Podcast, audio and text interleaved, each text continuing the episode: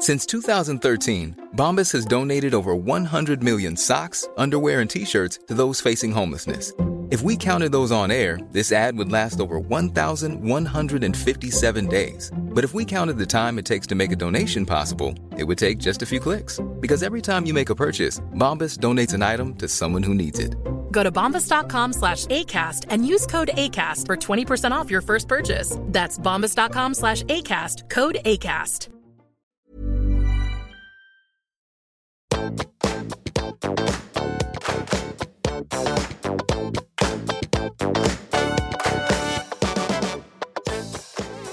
alle sammen, og velkommen tilbake til podkasten Karriereveiledning med Elaine. Ukens eh, tema er en het potet, nemlig hva er det som er viktig å tenke på når man står overfor utdanningsvalg. Hva skal du bli? Hvordan skal du velge? Hvor finner du informasjon? Og ikke minst, det skrives, det snakkes. Eh, Vi er intet unntak i dag. Men jeg og leder ved Karrieresenteret ved Universitetet i Oslo, selveste Gisle Helsten, er tilbake. Velkommen. Tusen hjertelig takk.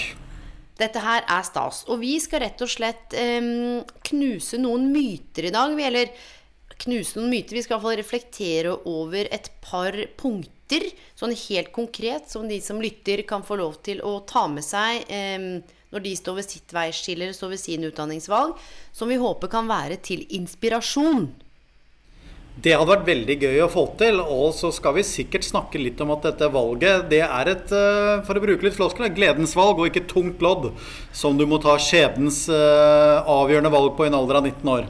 Du, og det er akkurat dette her. Og når vi snakker om det å stå overfor valg, og som vi kommer til å komme inn på snart, som handler om det første punktet, det er jo nettopp hvordan man kanskje selv definerer begrepet utdanning. Altså hva er det du selv tenker at utdanning er, og hva er det andre opplever at utdanning er. Og ikke minst hvordan definerer du karriere eller jobb, eller det begrepet sjøl. Det kan kanskje være et sånn viktig sted å starte, fordi eh, mange tenker at utdanning òg, det er jo en ph.d., det er en dobbel master. Men det trenger du ikke være, Gisle. Nei, eh, det jeg kan si om utdanning som jeg står veldig hardt på, det er at utdanning er noe formelt som du kan ta med deg til arbeidsgiver. Og la oss være veldig tydelige på at det finnes eh, noen ulike veier å gå. Eh, vi har fagskoler, vi har yrkesfag og vi har høyere utdanning.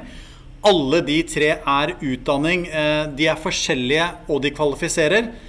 Det man ikke bør gjøre, er å velge bort alle tre og ikke gjøre noen ting, og satse på at den gode jobben detter ned i fanget på deg uten form for formell utdannelse. Mm. Og jeg tenker dette skal bringe oss sakte inn til det første punktet, fordi eh, sånn som du og jeg vet, det er at en utdanning Det er jo ikke bare graden eller eh, sertifiseringen eller fagbrevet. Det er jo ikke bare teorien eller nødvendigvis praksisen. Det er jo så mye mer. Og du har jo jobbet som leder ved Karrieresenteret i 17 år. Em, til de som lytter, kan ikke du bare fortelle litt sånn kort hva annet innebærer det å være en student, mer enn å bare lese og levere arbeidskrav og eksamener? Jeg vil jo si at det å være student er vel egentlig den første gangen hvor man virkelig står litt på egne ben.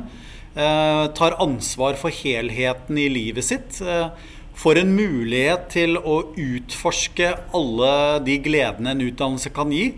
Som det å møte nye mennesker, møte mennesker som tenker forskjellig fra deg selv. Få venner, kanskje kjæreste. Bli med i studentforeninger. Rett og slett så er dette her en veldig morsom start for de aller fleste på veien videre i livet. Mm. Og hva er det som gjør da dette bringer oss til det første myten, eller det første punktet, da, vi skal være forsiktige med å kalle det en myte, men eh, at utdanningsvalg det er på en måte et valg for livet. Eh, hvis du velger den retningen, da er det ferdig snakka, to streker under svaret. Hvorfor er det så mange som, som kjenner på at dette her er så altavgjørende, dette valget her? Hvor, hvor kommer det fra? Jeg er usikker på hvor det kommer fra, men jeg er ganske sikker på at det har med å gjøre at det er en ganske tung investering. Altså Det er jo snakk om eh, et år, tre år, fem år av livet ditt. Eh, som gjør at eh, selvfølgelig er det bedre å treffe blink med en gang enn å ikke gjøre det. Det vil de fleste tro. Men det jeg ønsker å formidle, det er at det, er faktisk mulig å endre kurs underveis. Og ikke minst så vil du oppleve at det du velger, det vil nok mest sannsynlig være noe annerledes enn hva du forestilte deg det som. Fordi veien blir til mens man går. Man får nye retninger innad i faget. Man blir kjent med andre studenter som studerer noe annet. Man får hele tiden mer kunnskap, og det er bra. Mm. Og jeg tenker mange også som velger ulike studier, har jo også, eller ender også opp med å ha deltidsjobber i tillegg. Um, så det er jo litt det du beskriver i forhold til uh, å ta det ene valget. Og så er det mange som spør seg, da Ja, men hva, hva skal jeg bli? Og Ja, det spørsmålet der, det forstyrrer meg litt. Det forstyrrer meg hele tiden. Eller enda verre, hvilket yrke får jeg? Eh, Fordi dette med yrker, eh, det er en litt sånn snodig kategorisering av arbeidslivet. Eh, Ja, det er noen eh, utdannelser, kanskje spesielt innenfor fagskolen, hvor jeg går til et tradisjonelt yrke. Men jeg syns det er et mye bedre spørsmål å stille seg selv. Hva har jeg lyst til å gjøre? Hvor har jeg lyst til å investere min tid? Hva har jeg lyst til å jobbe med? Så kan jeg være ganske trygg på at jeg kan vise deg veldig mange såkalte forskjellige yrker hvor du kan utøve akkurat det du har lyst til å gjøre. Og jeg tenker også, som vi var inne på med dette punkt én, i forhold til at man kjenner at man har låst, og nå punkt to, dette med eh, yrkesorienteringen, eller som du sier, hva kan jeg bli? Det handler jo også om at vi er jo i forandring, arbeidsmarkedet er i forandring. Det kan skje mye fra det første året til det fjerde året, eller fra det andre året til det femte året. Um, og så tenker jeg samtidig en forlengelse av det du sier, at eh, egenskapene dine også, ikke sant. Hvilke styrker har du som du har lyst til å bruke et sted, og ikke minst hva er det du egentlig brenner for? Og hvorfor jeg tenker at dette punktet er så viktig, fordi man søker så ofte der ute. Hva skal jeg bli? Hva fins der ute? Men å jobbe med også egen karriereplanlegging og karriereutvikling, som vi tenker er veldig lurt å starte med tidlig, ikke vente til du har satt siste punktum på, på masteren eller bacheloren eller fagbrevet, da er det jo noen ordninger hvor man også kan komme ut i jobb rett etterpå. Så er det noe med liksom det å, å starte denne prosessen ganske tidlig. Og det betyr ikke at man trenger av alle svarene. Man trenger ikke ha så veldig mange svar, og kanskje din beste venn når det gjelder både utdanningsvalg, men ikke minst eh, eh, valg av framtidig jobb, stilling, yrke, det er at man er nysgjerrig, at man er åpen for det som skjer der. Og det er vel kanskje det som karriereplanleggingen også handler om. Det er at eh, den reisen man starter på som 19-åring, det er et kontinuum som skal vare til du er 70. Og det betyr at du får en unik mulighet til å prøve å smake på forskjellige områder. Det er ikke sånn at man begynner på studier, og så er man i den bobla, helt lukket og låst, stengt ute fra verden i tre til fem år, og så begynner en ny boble som er jobben. Hvis man kan ha én fot i begge leire, være ute og prøve å smake litt, så kan jeg også trygge deg på at utdanningen er jo bare starten. Altså Du skal lære masse når du kommer inn i jobben. Eh, Vi har en eh, regjering i Norge som eh, byttes ut jevnt og trutt. Men de har alle felles mål. Livslang læring. Vi skal fylle på. Vi må være forberedt på at endringer vil komme. Så det å på en måte bare være komfortabel med det, at ikke alle svarene ligger der, at det er helt spikra, så tror jeg man kan oppleve nemlig det aller vakreste med utdanning, og det er at det åpner dører. Og jeg tror man vet heller ikke hvilke dører som kan åpne seg. Men man har noen tanker om dette, vi snakka om veldig ofte dette med å skille med eh, følelser, eh, fakta og antagelser. Og være litt sånn bevisst også på hvem du snakker med. Ikke? Og ikke ta den utdanningen. Der får du i hvert fall ikke jobb. Hvis du velger inn et eller annet humanioran, eller ja, hvis du gjør det nå, så forsvinner de jobbene om ti år.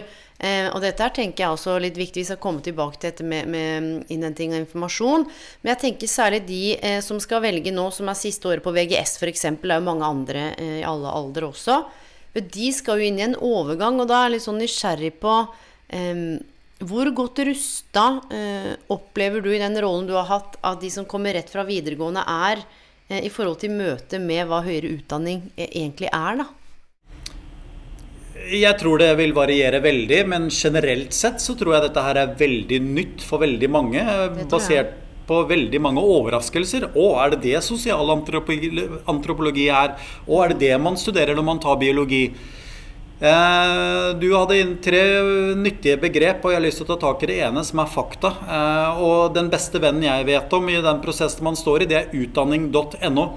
Og det er så mye mer enn bare eh, akkurat hvor man kan studere hva. Der står det mye om karrieremuligheter, det står mye om jobbmuligheter, det står mye om hvor mye man tjener. Det står til og med hvor mye menn tjener og kvinner tjener, deltid tjener. Altså, hvis man begynner å lete litt der, så vil man få informasjon. Og der er det også en karriereplanlegger i tillegg. Det er det også. Antagelser vil jeg nesten si er den største fienden oppi dette her. Jeg har hørt at sånn er det. Den institusjonen er bedre enn den institusjonen. Hvor har du det fra? Og igjen tilbake til denne nysgjerrigheten. Ikke la antagelser eller 'jeg har hørt at' få lov til å bestemme for deg. Finn ut mer. Still spørsmål. Ikke gi deg. Bruk utdanning.no. Bruk de fylkesvise karrieresentrene. Bruk skolerådgiverne. Hent informasjon. Mm. Og jeg tror i forhold til den første myten, da, med at utdanningsvalg er ett valg for livet og du er låst, og den andre myten som handler om at de fleste utdanninger fører til et spesielt yrke, eh, så er vi inne på noe nå som, som dreier seg om det å kunne orientere seg utover, som er smart. Men vi blir også bombardert nå ikke sant, med alt som handler om sosiale medier. Eh, og det virker som om alle andre på en måte veit så mye bedre. Eller andre veit så godt hva de holder på med. Eh, det er ikke så ofte mange snakker om at det er utfordrende å stå i utdanningsvalg, eller enkeltpersonen på en måte står fram og snakker om det. Det er også noe med å tørre å orientere seg innover, da, litt sånn som du også sa innledningsvis. Hva hva er det jeg kunne tenke meg å bruke ett, tre eller fem eller to år på faktisk lese? Hva er det jeg er nysgjerrig på? Er det noe politikk og samfunnsfag? Hva er det som gjør at det trigger meg? Ok, jeg vet ikke helt hva jeg kan bli 100% men kanskje velge noe som kan virke litt spennende også for ens egen del. Og det bringer meg også litt til den tredje myte, det tredje punktet. Det aller lureste man kan gjøre, er å gå rett over i høyere utdanning etter videregående. Hva tenker du om det? Jeg syns at det er et svar den enkelte skal få lov til å svare på helt selv. Uh, utdanning er ikke noe man bare møter opp og tar. Uh, utdanning krever en uh, formidabel porsjon motivasjon også. Og for noen så er man ikke helt der enda, at det å hoppe rett over på høyere utdanning eller hva det måtte være, er tidspunktet. noen drar i militæret. Fint. Noen tar et friår og reiser og ser verden. Fint. Noen eh, velger rett og slett å jobbe et år for å ikke ha dette karakterpresset, ha dette prestasjonspresset over seg. Og jeg syns at man skal lytte bevisst til de som har lyst til å ta og gjøre noe annet da enn den A4-veien. Folk, folkehøyskole har vi ennå ikke pratet om. altså Det er et unik yes. mulighet til å prøve ut og smake på disse tingene. Og kanskje vet man at det, det er jurist jeg skal bli, men jeg har så lyst til å ta ett år med teater. Så ta nå det året med teater på en folkehøyskole. Poenget er det eneste jeg kanskje vil advare mot, det er ett år på gutterommet hvor du bare ikke gjør noen ting. Med mindre du har en superplan for at det er planen, og du vet hva du skal gjøre, slik at du hele tiden kommer deg videre. For det er også en tilbakekomst å komme tilbake til skolebenken. Hvis man er veldig lenge ute av det, så er det litt lenger å komme tilbake igjen. Ja, jeg tenker det du sier med folkeskole, det noterte jeg ned, og karakterpress. Vi er faktisk ganske in tune, for vi sitter digitalt, men begge de to ordene som jeg noterte ned, de, de, de toucha du innpå. Og det er jo noe med det at jeg tror også vi skal si noen ting om at det er ikke sånn at alle har A i snitt. Eh, og det er også en sånn myte om at eh, man skal være så god, og, og karakterene avgjør alt. Eh, og noen steder, eh, ja, men det er jo også sånn at eh, mange steder er gjennomsnittskarakteren C. Og som vi var inne på, har man en deltidsjobb, kanskje jobbet frivillig. Hva annet er det man kan bring to the table? da? Hvordan forstår man teorien i praksis? Så det er jo ikke bare det å sitte og lese og det å prestere. Og det er den at studietiden kan romme så mye mer, da, som du snakka om innledningsvis. Og da tenker jeg det fjerde punktet det handler om at det er vanskelig å finne god informasjon om utdanningsvalg. Og dette er jo litt tilbake til eh, utdanning.no. Men så er det jo også sånn at når man eh, Den er jo offentlig kvalitetssikra og godkjent. Men vi, vi, får jo så mye inn... Hvordan skal vi sortere all den inputen? Hvordan Her er det da den fomoen. Eh, for jeg snakket med noen unge i går. Jeg var jo på karriere... Jeg var på Høgskolen i, i Østfold i forbindelse med karrieredagen og prata med noen fine studenter. Den, den, skammen med å på en måte ikke ha det på stell, den skammen med å kjenne på usikkerhet eh, åh, Hvordan finne riktig informasjon? Og her kommer det, da. Hva hvis jeg velger feil? Nettopp. Men først må jeg kommentere at jeg er så ung at jeg vet hva FOMO betyr. Det er jeg veldig fornøyd med. Ja, det er helt vilt. Det er helt vilt. Det er imponerende, faktisk. Eh, takk. Eh, men eh, at man er usikker, vet du hva? Det er kanskje den vondeste følelsen man har, fordi det er noe som ikke er såkalt positivt å være. Men det jeg kan trekke fram, normal, normalisering av det begrepet, det tror jeg er viktig. Det er veldig normalt å være usikker. Men jeg har lyst til å gi lytterne på denne poden, og egentlig alle andre i hele verden, samme råd. Og det er at still deg selv i sentrum, eh, og, og, tør å velge litt selv. Tør å innhente informasjon. Og de som skal gi råd, ikke gjør det for tydelig. Du skal ikke styre andre. Du skal ikke få din sønn eller datter eller hvem det måtte være til å leve det livet du selv hadde lyst til å leve. Still åpne spørsmål om hvorfor tenker du sånn, hva er det som gjør at du vurderer folkehøyskole, hvorfor har du lyst til å studere sosiologi og ikke eh, astrologi. Få dem til å reflektere, ta dem på alvor. Mm. Hvilke tanker gjør du deg om fremtiden? Og også det å skjønne, og dette snakket vi om i den podkasten når man skulle hjem til jul og få det blikket fra onkel Rolf som sa sånn Hæ, studerer du noe Og så skjønner man ikke hva det er, og så må man begynne å forsvare. Og det er litt dette her, da.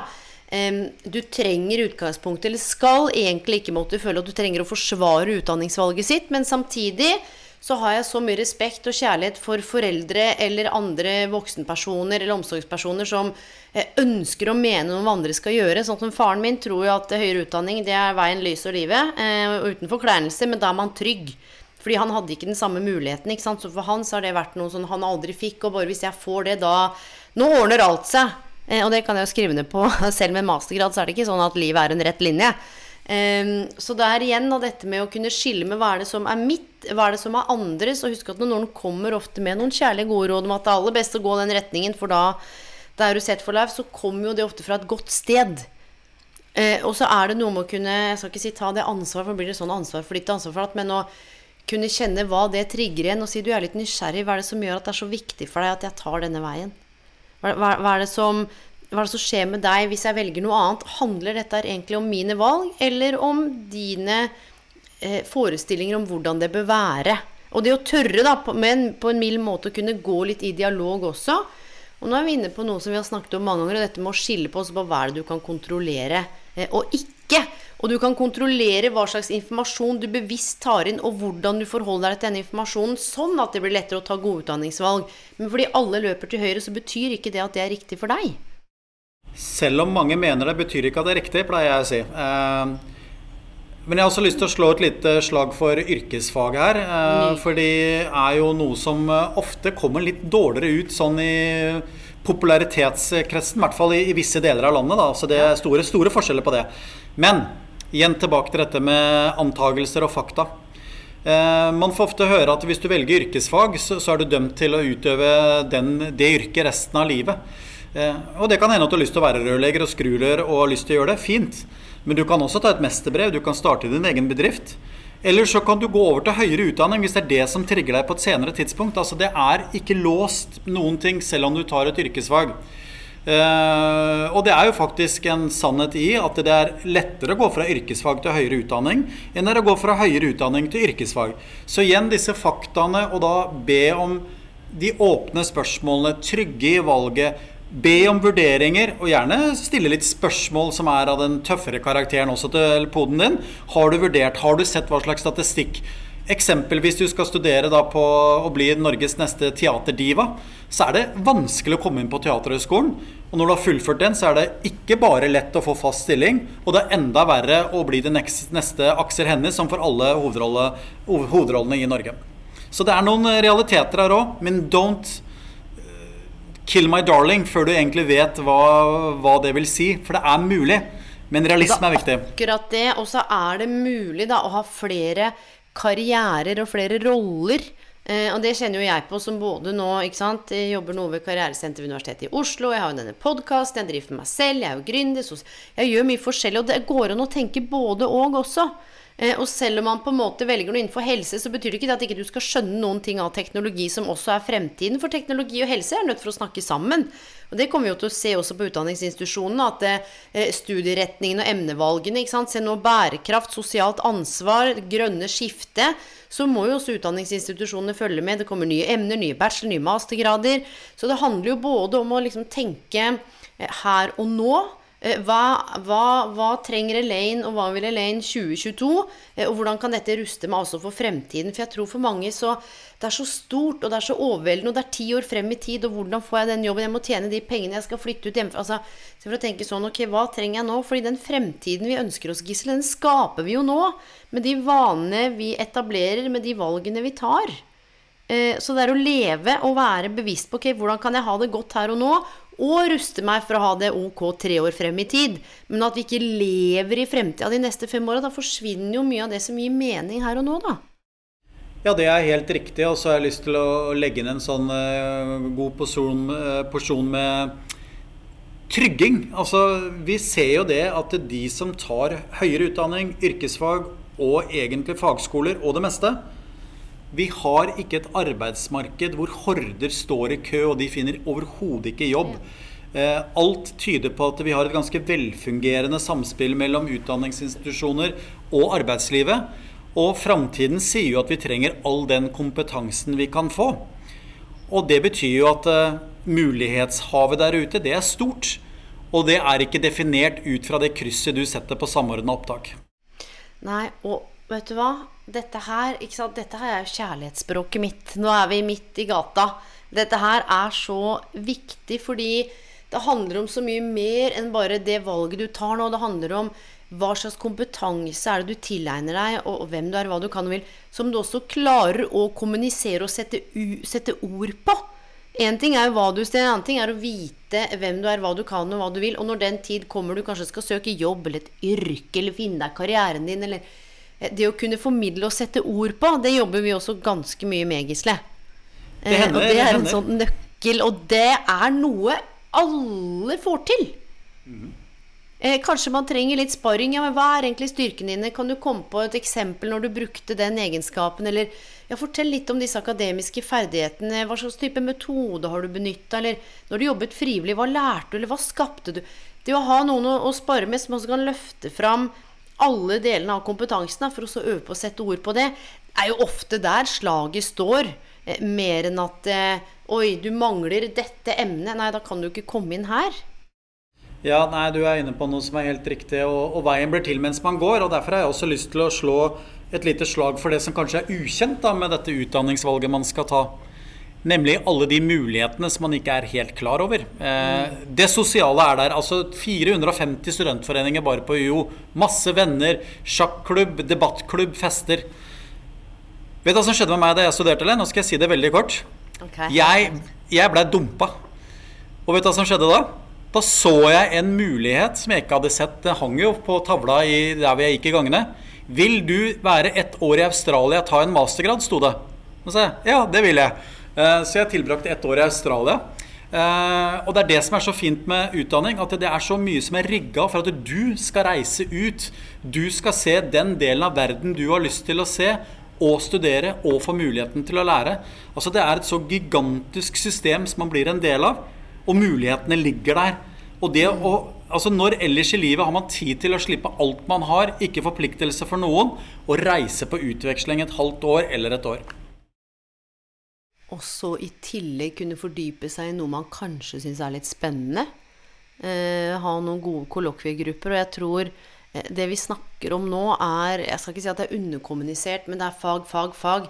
Man velger jo også en ny arena, en ny kontekst, et nytt nettverk. Og det å kunne sette seg noen litt sånn mykere mål som handler om eh, hva er det jeg har lyst til å lære på veien om meg sjøl, om livet, om samfunnet, om hva er det jeg kan bidra med underveis, ikke minst. Ja, hva er det jeg kan lære? Hvem er det jeg utvikler meg til å bli? Da? For det er jo et av mine favorittbegreper som gammel pedagog. Altså dette her er en dannelsesreise. Eh, og ja. den, eh, den, tar du med deg hele livet.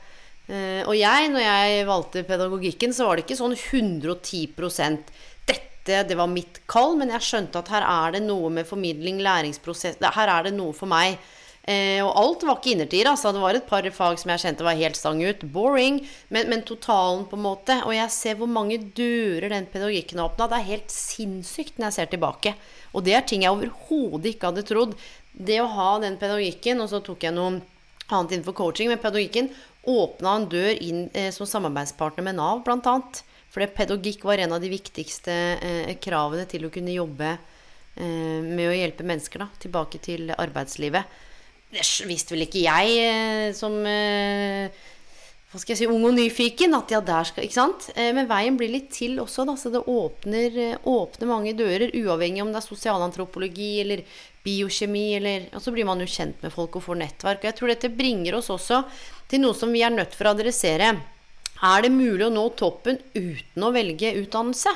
Må alle utdanne seg, Gisle? Eller, eller så blir det liksom helt Der blir det stusslig uten? Eh, her skal jeg være med fare for å bli bastant der, så har jeg nesten lyst til å si ja til det som et, et ganske tydelig råd. Man, jeg tror det er lurt å få en eller annen form for dokumentasjon på formell utdannelse.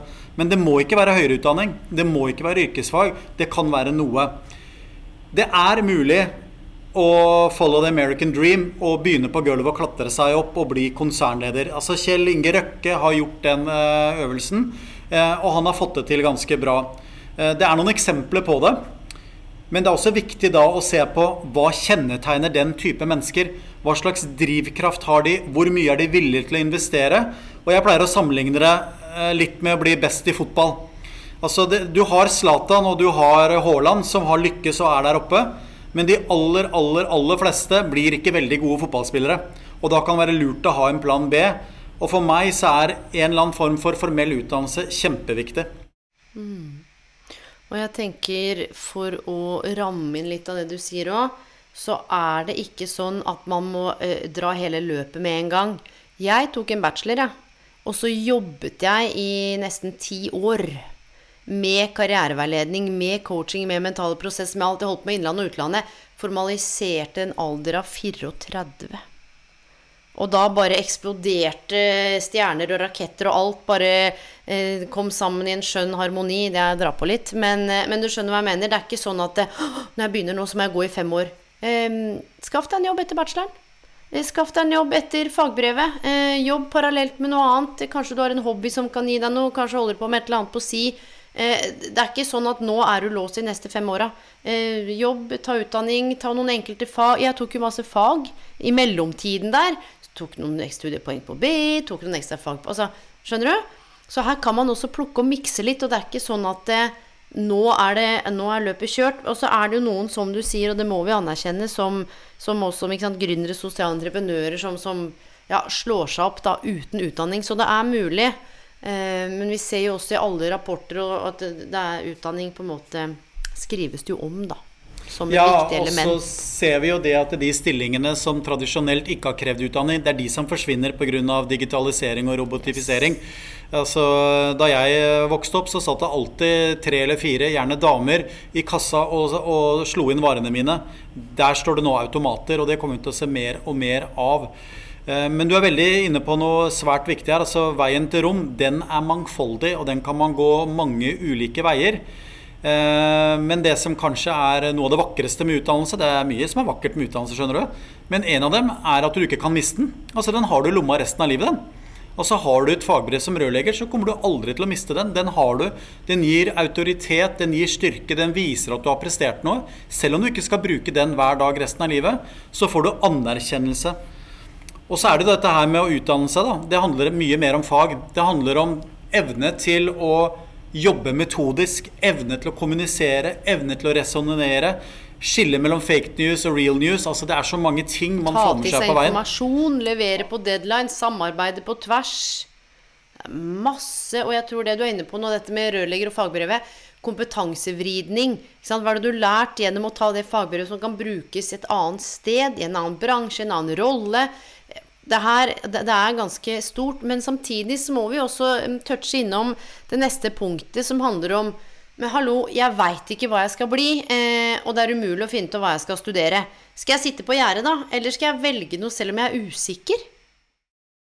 Hvis du overhodet ikke har en idé om hva du har lyst hva, hva, du skal bli, da, som vi ofte hører, eh, så tror jeg det kan være en pekepinn å se tilbake på hva du gjorde på videregående, og se hvilke av fagkretsene der var det som var litt mer lystbetont enn de andre.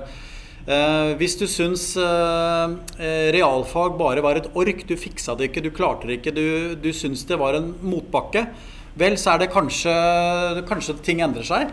Men da kanskje du heller skal se på hva var det jeg virkelig brant for, hva er det som virkelig ga meg noe, og se hva slags utviklingsmuligheter du er, eh, kan finne da.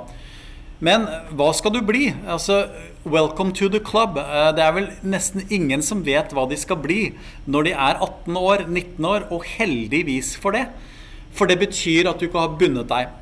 Noen har bundet seg, de som har som på en måte et tydelig mål. Jeg skal bli lege. Jeg visste ja. siden jeg var 11. Og det er også fint. Men det kan jeg bortimot love for de aller fleste. De blir noe. Vi har ikke en haug av mennesker som går rundt i det norske samfunn med høyere utdanning som ikke er noe. De blir noe alle sammen, og man finner litt sin vei. Og jeg, var, jeg, kan garantere deg at da jeg begynte på universitetet som 23-åring, for jeg hadde vært i militæret en del år først, og jeg skal bli leder av et karrieresenter Jeg hadde aldri hørt om det før. Jeg visste ikke hva det var. Og her er jeg. 17 years later. 17 years Still later. standing. Still standing. Ja, og det som er så spennende, at du har jo hatt sant, ulike ledere, du har ansatt ulike folk, det har vært ulike fagmiljøer.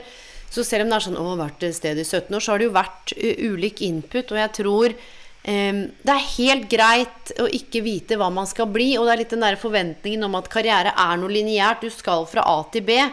Poenget er at det er ikke noe rett strek. Ja, det er det for noen, men dette er støttes jo også av karriereteori, som sier at livet skjer, det er komplekst, det er uforutsigbart. Men vi kan utvikle mot, vi kan utvikle optimisme, håp, fremtidstro, fleksibilitet. Og så har jeg lyst til å slå et slag for dette her evnen til å stole på seg sjøl. Og evnen til å faktisk kjenne at man er av verdi og er en ressurs. Og at man allerede er noe. Og ja, du kan, du kan bli noe, du kan kanskje få deg en rolle eller en tittel. Eh, men man er allerede ganske mye i kraft av det å bare være et relativt ålreit menneske. Så nå handler det om å tenke også hva er det jeg har lyst til å utforske? Hva er det jeg er nysgjerrig på? Er det, henger det sammen med interessene mine?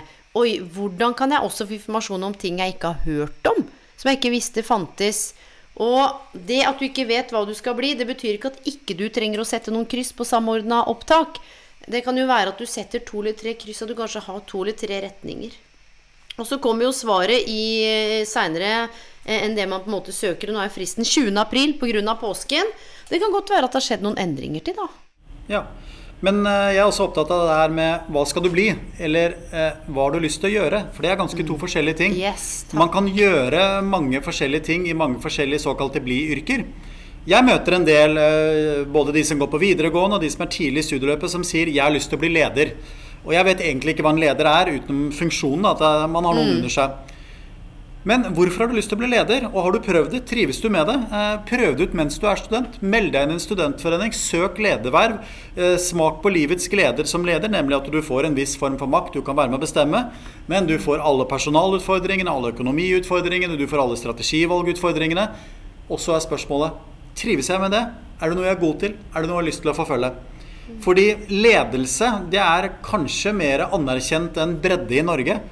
Men det er for all del mulig å gjøre gode breddekarrierer som ikke medfører eh, fancy direktørtitler og masse folk under seg, men ved at man virkelig får dykket ned i det du syns er mest interessant. Så smø, prøv, eh, prøv det, smak på det, og se om du kan finne arenaer hvor du kan prøve ulike ting du kan gjøre som student. Mm. Og da er det jo lettere også eh, nettopp å koble den på hva skal jeg bli, men hva er det jeg vil gjøre mer av? Hva slags rolle er det jeg ser for meg at jeg kan ha? Hva slags arbeidsoppgaver er det jeg kan trives med? Har jeg lyst til å jobbe alene eller sammen med andre? Ikke sant? Det er en del eh, spennende spørsmål som ligger i det. Og du, det siste vi må snakke om, det er eh, Selv om jeg ikke trives der jeg er nå, så er det bedre å fortsette enn å begynne på nytt. Ja, Tenker du da på studievalg, eller at man har begynt på noe som man egentlig ikke uh, syns er så så dette her er interessant fordi eh, Og dette her møter vi jo på eh, veldig mange studenter eh, sånn, Ikke veldig mange, men en god del, i hvert fall spesielt førsteårsstudenter, som er ganske usikre. Som lurer på om de skal bytte, slutte, om de har valgt Her kommer det ordet som også gir meg litt sånn elveblest noen ganger. Om de har valgt riktig. Akkurat som det er bare én vei. Det kan jo være mange veier. Ehm, og da er det jo noe med å kunne være en god sparringspartner, særlig for de som lytter nå, som lurer på skal jeg velge det, skal jeg velge det, og, og for de som lytter og tenker har jeg valgt riktig.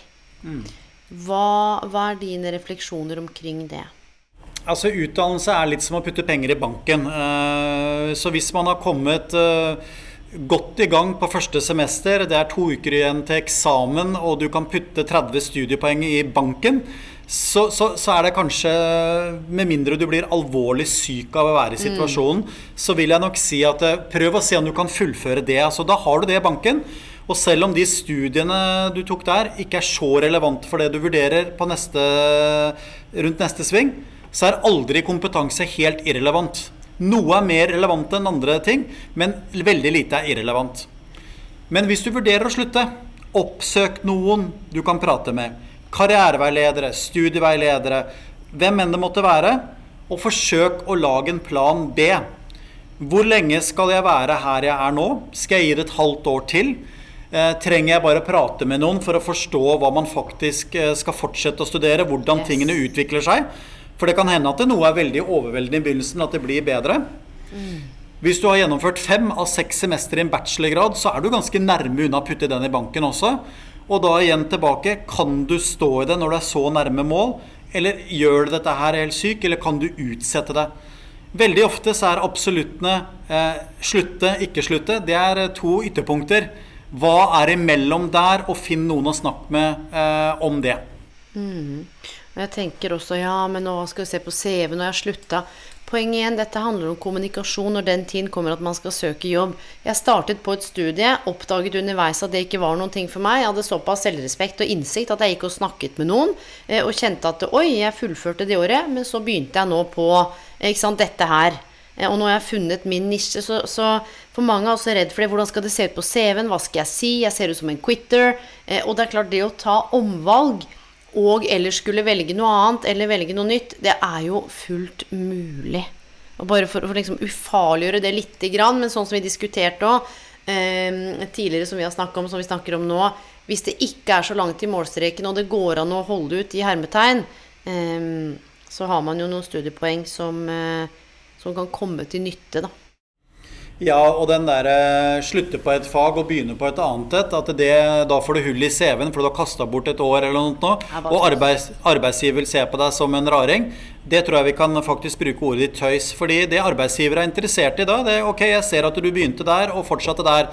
Hva var årsaken til at du byttet? Hvilke refleksjoner gjorde du deg? Yes. Og hva lærte du av det? Fordi det at man stopper opp og, og setter ting litt på pause og legger plan B, det er jo sånn livet er. Det er veldig sjelden. Du brukte ordet selv i sted. Eh, det er ikke alltid rett fram. Det er noen svinger.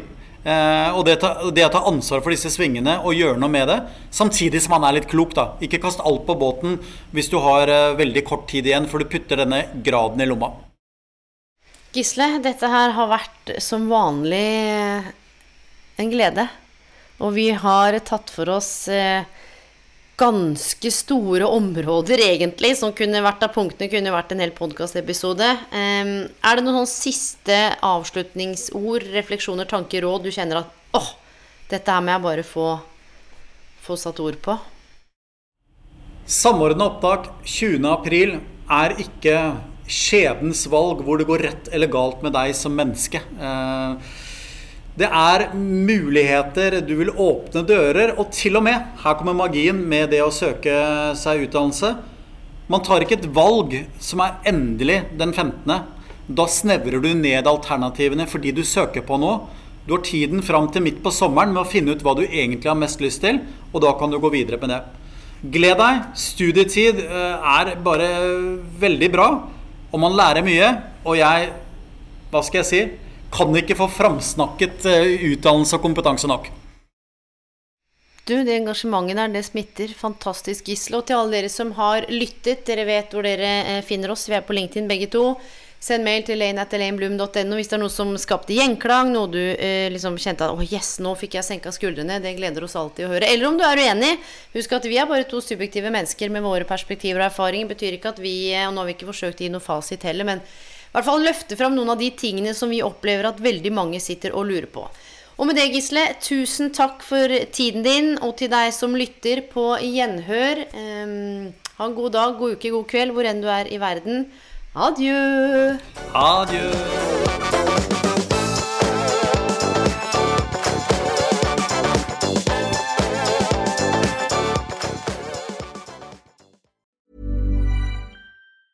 Ever catch yourself eating the same flavorless dinner three days in a row?